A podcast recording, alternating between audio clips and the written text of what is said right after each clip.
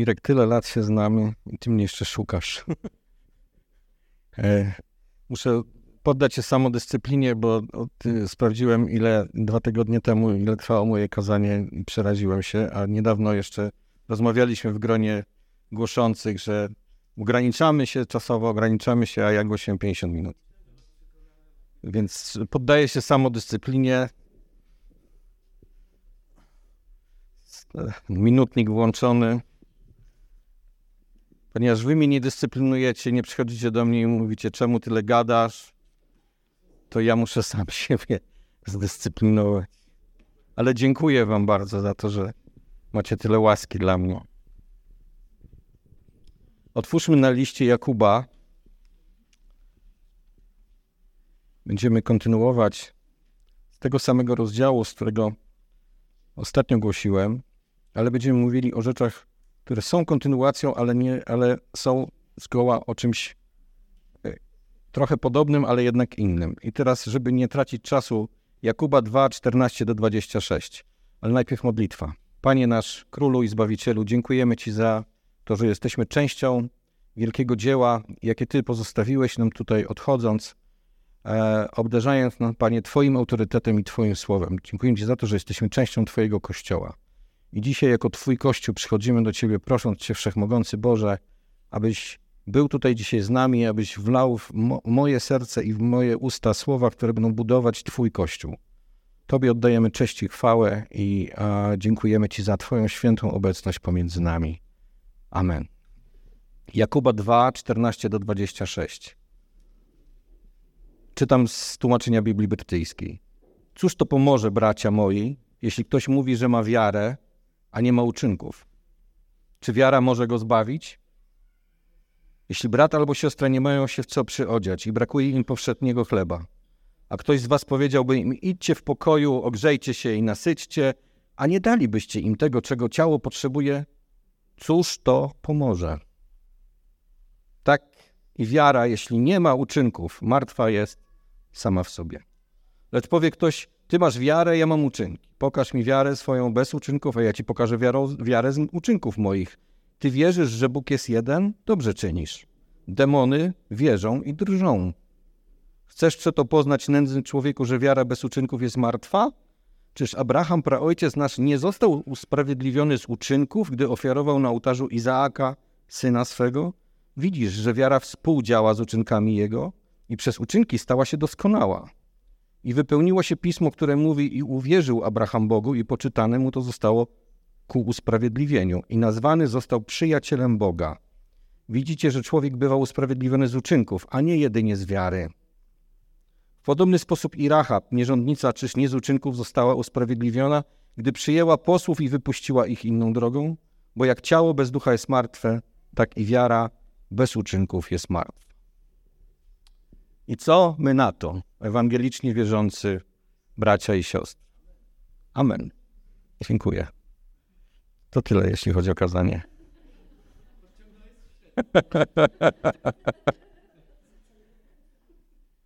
Wiara bez uczynków jest martwa. Tak pisze Jakub do swoich współbraci. Ale co pisze Paweł?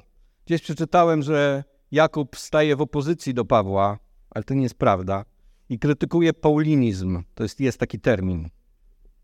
I krytykuje paulinizm. Ale to nie jest prawda. Do, dobrze wiemy, ale myślę, że warto o tym też mówić, że te dwie rzeczy doskonale się ze sobą uzupełniają. I dzisiaj też o tym powiemy. Dla przeciwwagi otwórzmy na liście do Galacjan na drugim rozdziale i przeczytamy aż do trzeciego rozdziału do jedenastego wersetu, więc jest kawałek do czytania. Wiedząc wszakże, że człowiek zostaje usprawiedliwiony nie z uczynków zakonu, a tylko przez wiarę w Chrystusa Jezusa, i myśmy w Chrystusa Jezusa uwierzyli, abyśmy zostali usprawiedliwieni z wiary w Chrystusa, a nie z uczynków zakonu. Ponieważ z uczynków zakonu nie będzie usprawiedliwiony żaden człowiek. A jeśli szukając usprawiedliwienia w Chrystusie i my sami okazaliśmy się grzesznikami, to czy Chrystus jest sługą grzechu? Z pewnością nie, bo jeśli znowu odbudowuję to, co zburzyłem, samego siebie czynię przestępcą. Albowiem ja przez zakon umarłem zakonowi, abym żył Bogu. Z Chrystusem jestem ukrzyżowany, żyję więc już nie ja, ale żyje we mnie Chrystus. a obecne życie moje w ciele jest życiem w wierze w Syna Bożego, który mnie umiłował i wydał samego siebie za mnie. Nie odrzucam łaski Bożej, bo jeśli przez zakon jest sprawiedliwość, wtedy Chrystus daremnie umarł. O nierozumni Galacjanie, kto was omamił, was, którzy, przed którymi został wymalowany obraz Jezusa Chrystusa ukrzyżowanego. Chcę dowiedzieć się od was tego jednego, czy przez uczynki zakonu otrzymaliście ducha, czy przez słuchanie z wiarą? Czy aż tak nierozumni jesteście? Rozpoczęliście w duchu, a teraz na ciele kończycie? Czy daremne były tak liczne wasze doznania? Rzeczywiście były daremne. Czy ten, kto daje wam ducha i dokonuje wśród was cudów, czyni to na podstawie uczynków zakonu, czy na podstawie słuchania z wiarą? Tak Abraham uwierzył w Bogu i poczytano mu to ku usprawiedliwieniu. Z tego możecie poznać, że ci, którzy są z wiary, są synami Abrahama. A pismo, które przewidziało, że Bóg z wiary usprawiedliwia pogan, uprzednio zapowiedziało Abrahamowi: W tobie będą błogosławione wszystkie narody. Tak więc ci, którzy są ludźmi wiary, dostępują błogosławieństwa z wierzącym Abrahamem, bo wszyscy, którzy polegają na uczynkach zakonu, są pod przekleństwem. Napisano bowiem przeklęty każdy, kto nie wytrwa pełnieniu wszystkiego, co jest napisane w Księdze Zakonu. A że przez zakon nikt nie zostaje usprawiedliwiony przed Bogiem, to rzecz rzeczy oczywista, bo sprawiedliwy z wiary żyć będzie.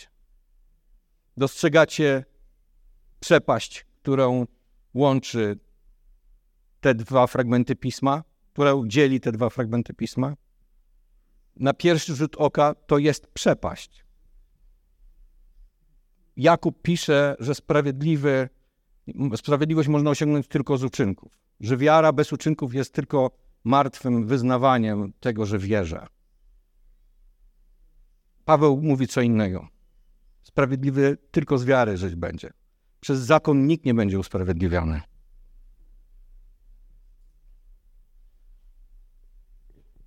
I w obu tych fragmentach czytamy o tym samym człowieku, o Abrahamie. Jakże to więc jest, że Jakub powołując się na Abrahama udowadnia, że zbawienie to jest kwestia naszych uczynków i na dowód tego przywołuje Abrahama. Jak to jest, że Paweł na dowód tego, że zbawienie nie jest z uczynków, też przywołuje Abrahama. Myślę, że powinniśmy zagłosować. Kto jest za tym, że zbawienie jest z uczynków? Żart. Czy spotkaliście dzisiaj już wolontariusza y, Wielkiej Orkiestry Świątecznej Pomocy? Jeszcze nie. Ale jeśli spotkacie, być może niektórzy z Was wrzucą tam jakąś kwotę. Tak? Ja, ja wrzucę, tak? Ja nie mam z tym problemu. Ale to zostawiam Wam, bo nie będę teraz optował za tym czy za tym. To już zostawię, zostawię Waszemu sumieniu. Ale teraz wyobraźcie sobie człowieka, który wrzuca tam pewną kwotę. To jest dobre. To generalnie to jest dobre. Ja nie przeczę temu, że to jest dobre. Tylko pytanie jest teraz, czy dajesz z troski o dzieci i dając, widzisz tych ludzi, którzy gdzieś tam potrzebują pomocy, bo walczą o każdy oddech, leżą w szpitalach, być może osamotnieni. Czy to porusza Twoje serce i dlatego dajesz? Bo jeśli tak, wszystko jest w porządku. Bo to jest motywacja serca która podoba się Bogu. Czy też dajesz dlatego, że licząc na, liczysz, licząc na to, że kiedyś staniesz przed Bogiem i ten obrazek zostanie ci policzony in plus. Bóg powie, dobrze zrobiłeś, bardzo mi się to spodobało. Masz następny punkcik. Jaka jest twoja motywacja, kiedy dajesz jałmużnę? Kiedy wspomagasz dzieci w szpitalu? Ludzi, którzy łapią każdy oddech, tak? Ludzi po przeszczepach. Ci ludzie są. Wyobraźcie sobie, że my siedzimy tutaj. Większość z nas jest, cieszy się dobrym zdrowiem, jako takim zdrowiem. I oby tak było jak najdłużej. Ale dzisiaj, w tej chwili, są ludzie w szpitalach, czasami w trudnych warunkach, czasami przytomni, nieprzytomni, oni cierpią. Czy to porusza dzisiaj Twoje serce? I czy dając jałmużnę, chociażby z, okazji dzisiejszego dnia, na orkiestrę pomocy. Czy, to, czy myślisz o nich? Czy to jest motywacją Twojego serca? Czy też dając, myśl, liczysz na to, że to będzie następny punkt, następna drabinka, szczebelek do nieba? albo że ktoś inny to zobaczy i pomyśli sobie, to dobry człowiek jest. Jaka jest motywacja Twojego serca? To jest ważne. To jest bardzo ważne, bo to odróżnia prawdziwy dobry uczynek od uczynkowości, od obłudnej faryzejskiej uczynkowości. Chociaż z drugiej strony nie możemy wsadzać wszystkich ludzi do jednego worka. Bo ja nie twierdzę, że wśród naszych rodaków, wśród ludzi nie ma ludzi, którzy szczerze, naprawdę szczerze dają. Dają coś z siebie. Dają od siebie. Szczerze. Ale robią to z dobroci ludzkiego serca. I wydawałoby się, że nie, jest w tym, nie ma w tym nic złego. Ale kiedy staną przed Bogiem, to nie będzie miało znaczenia. Bo i nie osądzamy tych ludzi. Ja, niech Bóg broni. Ostatnio na kazaniu mówiłem o osądzaniu. Nie jestem sędzią i to jest ostatnia rzecz, jaką, jak, postawa, jaką chciałbym kiedykolwiek w życiu przyjmować. Ale stoję w prawdzie i znam prawdę. I wiem, co się stanie z ludzkimi uczynkami, które ktoś kiedyś będzie chciał przynieść przed ołtarz Boga, przed Jego tron i powiedzieć: Zobacz, ile dla drugiego człowieka zrobiłem. I to pytanie, a gdzie ja byłem? Gdzie ja w tym wszystkim jestem? Zapomniałeś o mnie. Zobacz, co ja zrobiłem. I wskaże na krzyż. Wskaże na Jezusa Chrystusa. Gdzie jest Jezus Chrystus w Twoim życiu? Stoimy w prawdzie i wiemy o tym, że w świecie duchowym dokonało się coś, czego zlekceważenie, czy próba ominięcia, czy zastąpienie chociażby ludzką dobrocią, odruchami serca wskazuje na wieczne potępienie. Bo jeśli z uczynków jest zbawienie, to można w ten sposób funkcjonować. Ale pominiemy wtedy to, co się stało na krzyżu, co Jezus Chrystus uczynił dla nas wszystkich. Czy to będzie dziesięć przykazań, czy to będzie jakiś system moralny, czy to będzie poprawne, dobre życie, czy to będą dobre uczynki, to w ogniu Bożej sprawiedliwości i tak spłonie. I dobrze o tym wiemy. I to jest prawda, którą głosimy. Nie krytykujemy tego, że ktoś chce w swoim życiu, że chce poprawnie przejść swoje życie, ale jeśli ono będzie pozbawione Jezusa Chrystusa, pozbawione tego, co w świecie duchowym wydarzyło się dla nas, dla naszego zbawienia, to taka postawa przed Bogiem, przed świętym Bogiem, który to uczynił dla nas, nie będzie nic warta. Będzie, jak mówi księga Izasza, jak splugawiona szata, którą omija się z daleka. Będzie nic nie warta.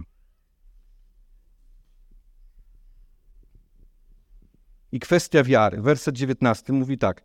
Ty wierzysz, że Bóg jest jeden? Dobrze czynisz. Ale ten następny fragment tego wersetu jest przerażający. Demony również wierzą i drżą sama wiara i deklaracja, że wierzę w Boga i bycie świadomym tego niczego nie zmienia. Tu jest wyraźnie napisane, że świat duchowy jest świadomy tego, że Bóg jest. Ale to nie powoduje zmiany jego funkcjonowania i życia. Demony się nie nawracają. Nie zmieniają swojego życia i przeznaczenia. Jakub mówiąc i wypowiadając te słowa, zwalcza rodzaj wiary, czyli przyjęcie pewnego faktu, który nie ma żadnego wpływu na życie pozornie wierzącego człowieka. Bo samo powiedzenie, że wierzę, nikogo nie zbawi. Wiecie, wiele lat temu, kiedy zaczynałem swoją drogę y, chrześcijańską, e, popularną formą ewangelizacji było wychodzenie na rynek główny, rozmawianie z ludźmi. Wtedy to było dosyć łatwe i proste. Ludzie chcieli rozmawiać. To był jeszcze taki kraj, tak? Ludzie chcieli rozmawiać, zatrzymywali się. Czasami były to bardzo, bardzo ciekawe dyskusje. I powiem wam tak, 98% ludzi, więc prawie wszyscy, deklarowali wiarę w Boga. Dzisiaj to wygląda inaczej, zdaję sobie sprawę. Mówię, co, co było kiedyś. Dzisiaj to troszeczkę inaczej wygląda.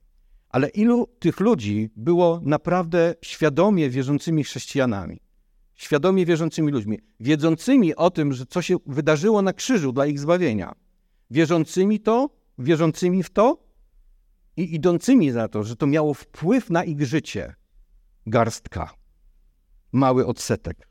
Dlatego ta ewangelizacja była potrzebna, bo wielu ludziom można było wtedy uświadomić, Twoja wiara nie prowadzi cię do nieba. Przykro mi, ale musisz coś z tym zrobić. Nie możesz tego po prostu traktować jako pewien fakt, który gdzieś tam historycznie się wydarzył. To jest coś znacznie więcej. To sięga Twoją wieczność, dotyka Twojej wieczności. Jeśli Ty z tym nic teraz, tutaj, kiedy możesz z tym coś zrobić, nie zrobisz, skażesz się na wieczne potępienie. Ominiesz krzyż Chrystusowy, chociaż będziesz o nim wiedział. Dokładnie to samo wiedzą demony.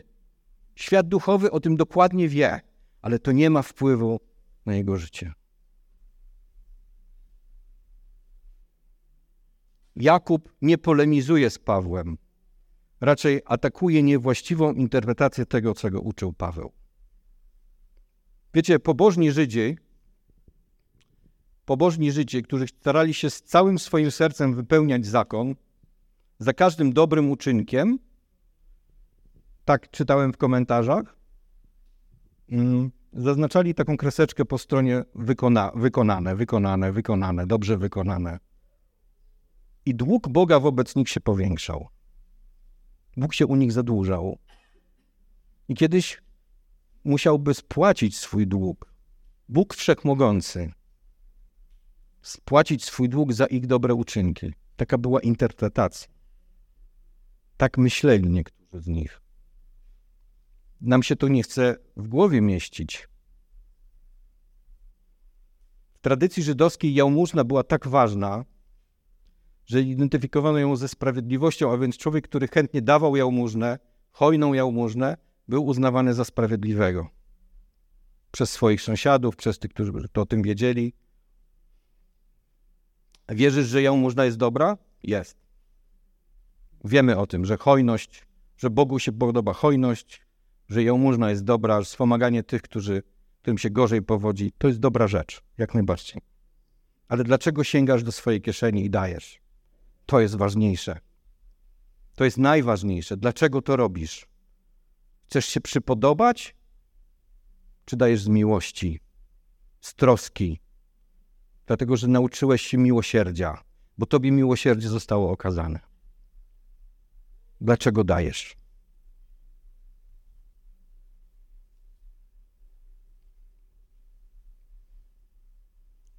I teraz wróćmy do Abrahama, werset 21. Czy Abraham, praojciec nasz, nie został usprawiedliwiony z uczynków, gdy ofiarował na ołtarzu Izaaka syna swego? No wydaje się zasadne pytanie, bo Abraham zrobił coś bardzo konkretnego. Ale czy to był dobry ty możemy to nazwać dobrym uczynkiem? Zrobił coś, zrobił coś niesamowitego. czy to, co zrobiło się, co zrodziło się w sercu Abrahama, to była chęć do uczynienia dobrego uczynku i przypodobania się Bogu?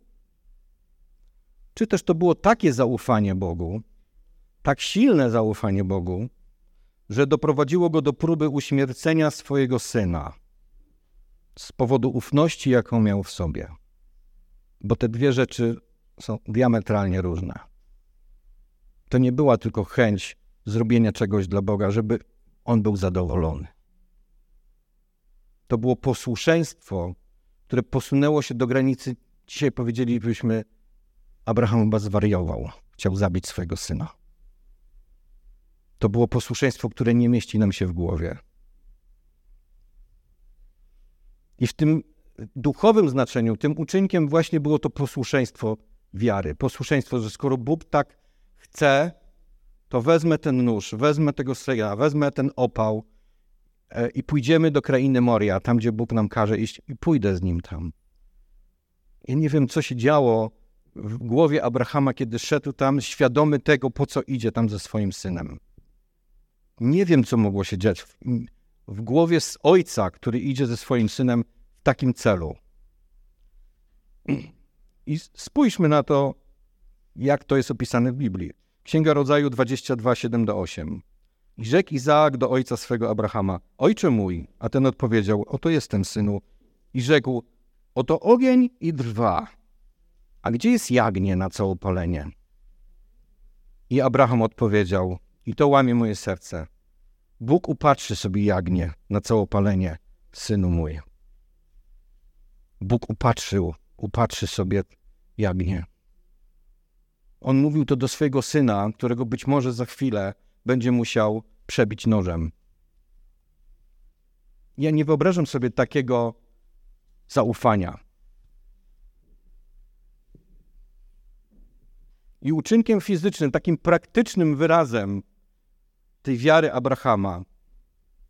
I potem czytamy, że właśnie na podstawie tej wiary możemy o nim mówić, że, jest że został usprawiedliwiony przed Bogiem. Było to, czy to, co czytamy Księdze Rodzaju 22:10, czyli chwilę później. I wyciągnął Abraham swoją rękę i wziął nóż, aby zabić syna swego. I wyciągnął swoją rękę, uzbrojoną w nóż, aby zabić syna swego. I Bóg wiedział, że on by to zrobił. No, przepraszam bardzo, nie chce się nam to w głowie mieścić. Tak, ja mam trzech synów i nie chce mi się to w głowie mieścić. Jeśli jesteś rodzicem, to to lepiej rozumiesz tą całą sytuację. I usłyszał coś takiego, lecz anioł pański zawołał na z nieba i rzekł Abrahamie, Abrahamie, a on rzekł, oto jestem. I rzekł, nie podnoś ręki chłopca na chłopca i nie czyń mu nic, bo teraz wiem, że boisz się Boga, gdyż nie wzbraniałeś się ofiarować mi jedynego swego syna. I wypełniło się pismo, które mówił, i uwierzył Abraham Bogu, i poczytane mu to zostało ku usprawiedliwieniu, i nazwany został przyjacielem Boga. Powiedzcie mi, co to ma wspólnego z dobrym uczynkiem? Jakub nie o tym pisze.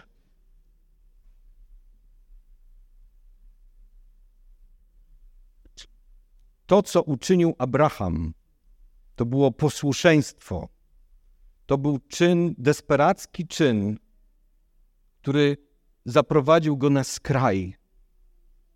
I on wytrwał w wierze temu, co, tego, co Bóg, że Bóg jest ponad tym wszystkim. I to doprowadziło go do tego, że został nazwany ojcem, ojcem wiary i został usprawiedliwiony przed Bogiem.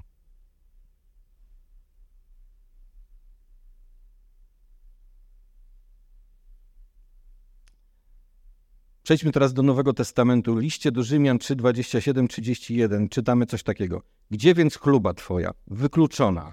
Przez jaki zakon uczynków? Bynajmniej, lecz przez zakon wiary. Uważamy bowiem, że człowiek bywa usprawiedliwiony przez wiarę, niezależnie od uczynków zakonu.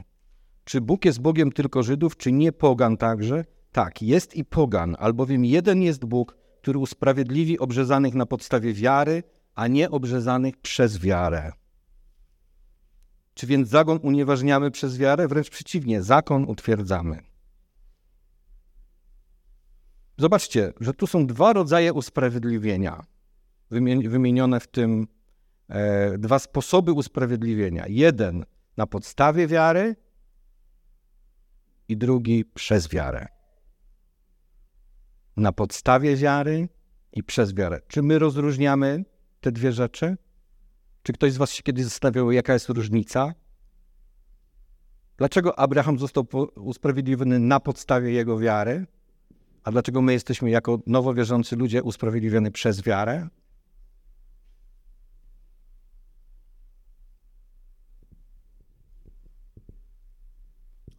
Abraham chciał złożyć ofiarę, ponieważ Bóg tego od niego oczekiwał.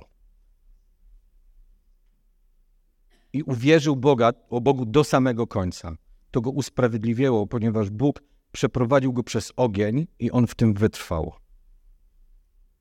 My, i, to jest, i, to, i na tej podstawie Bóg powiedział o nim, to jest człowiek sprawiedliwy, to jest człowiek, który mi ufa. My wierzymy, że ofiara została już złożona i wchodzimy przez wiarę w tą rzeczywistość, którą, którą stworzył dla nas Jezus Chrystus. Wchodzimy z tym, z tą, y, przez wiarę w to, że Jezus Chrystus już został złożony w ofierze. Bóg nie usprawiedliwia nas na podstawie naszej wiary, ale na podstawie tego, co uczynił Jezus Chrystus. Widzicie tę różnicę? My wierzymy w to, co uczynił Jezus Chrystus i to nas usprawiedliwia. To, czego dokonał Bóg. A Abraham został usprawiedliwiony z powodu wiary, którą się wykazał przed Bogiem. I to Bogu, to Bogu złamało serce, że posunął się aż tak daleko w swojej wierze. Mógł trzeci przecież powiedzieć, Boże, ale to jest mój syn, obiecałeś mi go, jak możesz w ten sposób, no, to jest za dużo, to jest zbyt wiele. Dziwilibyśmy się temu? Nie, ja bym się nie dziwił. Ja bym się nie zdziwił.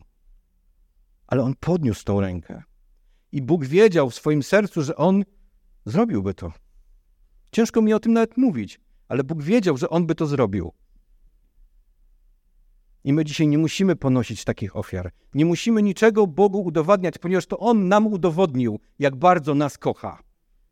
I przyjmujemy to przez wiarę, i na tej podstawie jesteśmy usprawiedliwieni.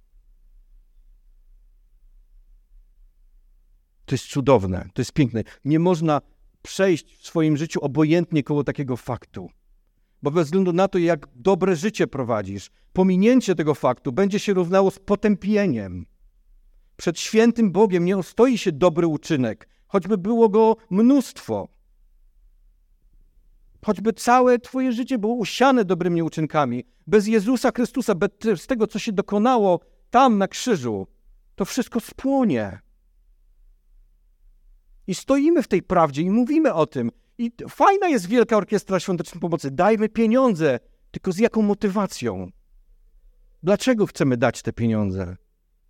Ale jeśli ludzie myślą, że przez Wielką Orkiestrę Świątecznej Pomocy, przez uczestnictwo w jej, przez organizowanie jej, przez y, dawanie na nią takiej czy innej sumy pieniędzy, promuje to kogoś przed Bogiem, to jest w wielkim błędzie.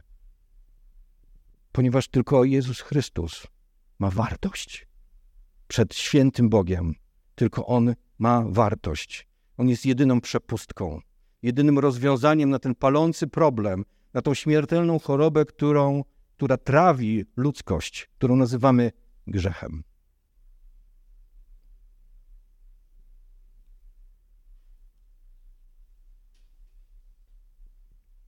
Uczynki potwierdzają i wyrażają wiarę, a jednocześnie to wiara prowadzi nieuchronnie do, do uczynków. Inaczej jest martwa.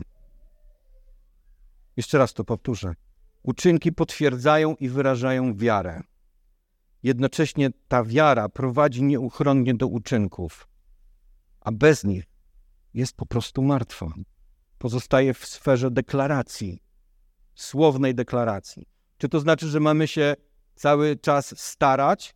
Nie, ale jesteśmy powołani w Jezusie Chrystusie do dobrych uczynków. Jego, bo Efezjan 2:10, proszę bardzo, dowodzę tego.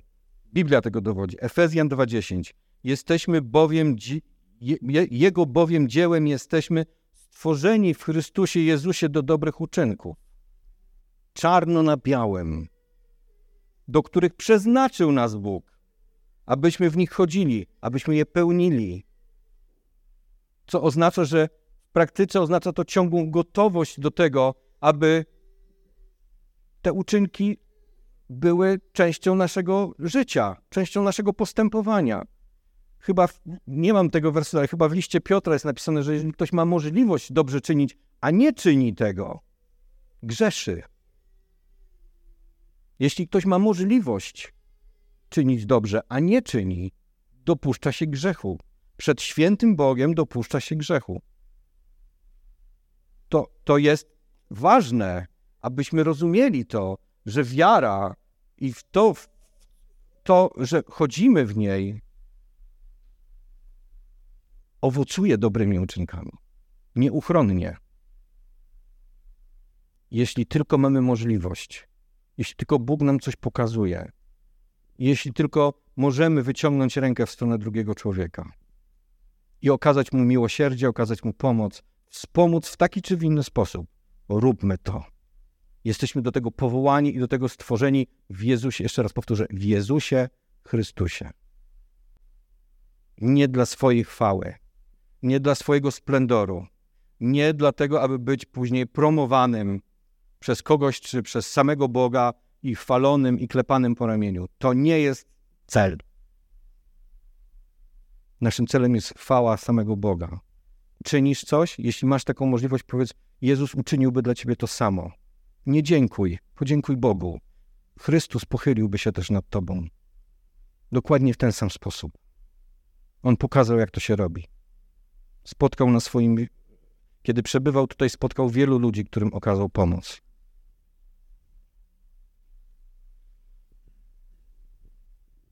Czy dobre uczynki mogą doprowadzić kogoś do nieba? Same nigdy, bo tylko w Chrystusie są pożyteczne i stanowią, stanowią dla Boga miłą wonność. I ostatni werset, Rzymian 4, 3 do 8. Bo co mówi Pismo? Uwierzył Abraham Bogu i poczytane mu to zostało za sprawiedliwość. I uwaga, a gdy kto spełnia uczynki, zapłaty za nie nie uważa się za łaskę, lecz za należność. Gdy zaś kto nie spełnia uczynków, ale wierzy w tego, który usprawiedliwia bezbożnego, wiarę jego poczytuje mu się za sprawiedliwość. Jak Dawid nazywa błogosławionym człowieka, któremu Bóg udziela usprawiedliwienia niezależnie od uczynków. Błogosławieni, którym odpuszczone są nieprawości i których grzechy są zakryte. Błogosławiony mąż, któremu Pan grzechu nie poczyta.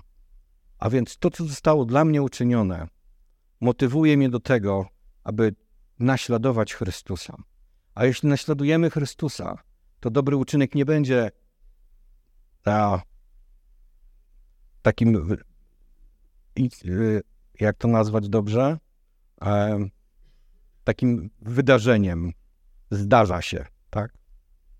Kiedyś mi się tam kiedyś zdarzyło coś dobrego zrobić dla drugiego człowieka.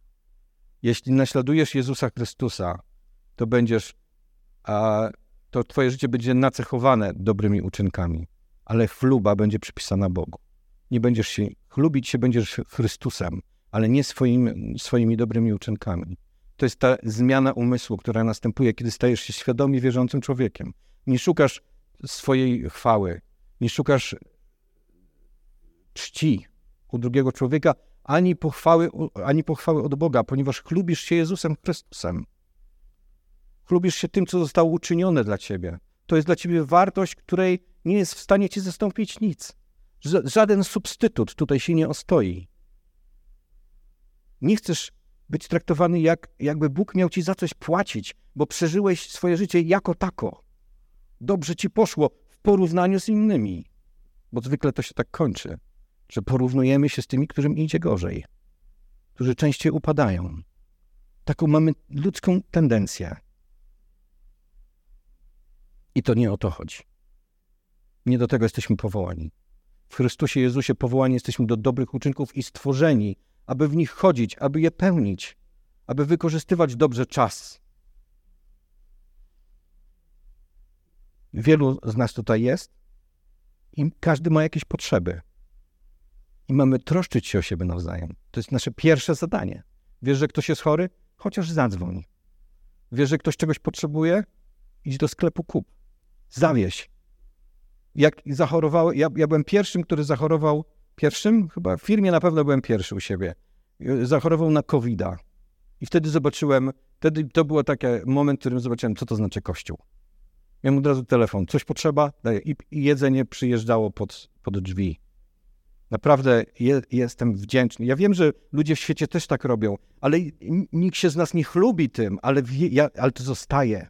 To, jest, to ma wartość w Jezusie Chrystusie. Mamy mamy się troszczyć przede wszystkim o domowników wiary. I zachęcam Was o, do tego. Troszczmy się o siebie nawzajem. Troszczmy się o siebie nawzajem. To tak ważne i takie cenne przed Bogiem. Nie dla naszej chluby, ale dla Jego Kościoła i dla Jego chwały. Amen. Panie Jezu, dziękujemy Ci za Twoje słowo i za to, że powołałeś nas tak cudownie do tego, aby dobrze czynić dla Twojego królestwa, dla Twojego kościoła, dla Twojej chwały, Panie. Dziękujemy Ci za to, za to, że zbawiłeś nas e, nie z powodu tego, kim jesteśmy, jacy jesteśmy, tylko zbawiłeś nas, ponieważ tak bardzo nas umiłowałeś. I my tej miłości do końca nawet nie rozumiemy, nie potrafimy jej pojąć i ogarnąć, ale przyjmujemy ją z wdzięcznością i chcemy się uczyć od Ciebie, jak chodzić po tym świecie, dobrze czynić, błogosławić innych, Panie, błogosławić przede wszystkim domowników wiary, ale błogosławić też innych ludzi, aby oni widzieli w nas Ciebie. Tobie oddajemy cześć i chwałę w świętym imieniu Jezusa Chrystusa. Amen.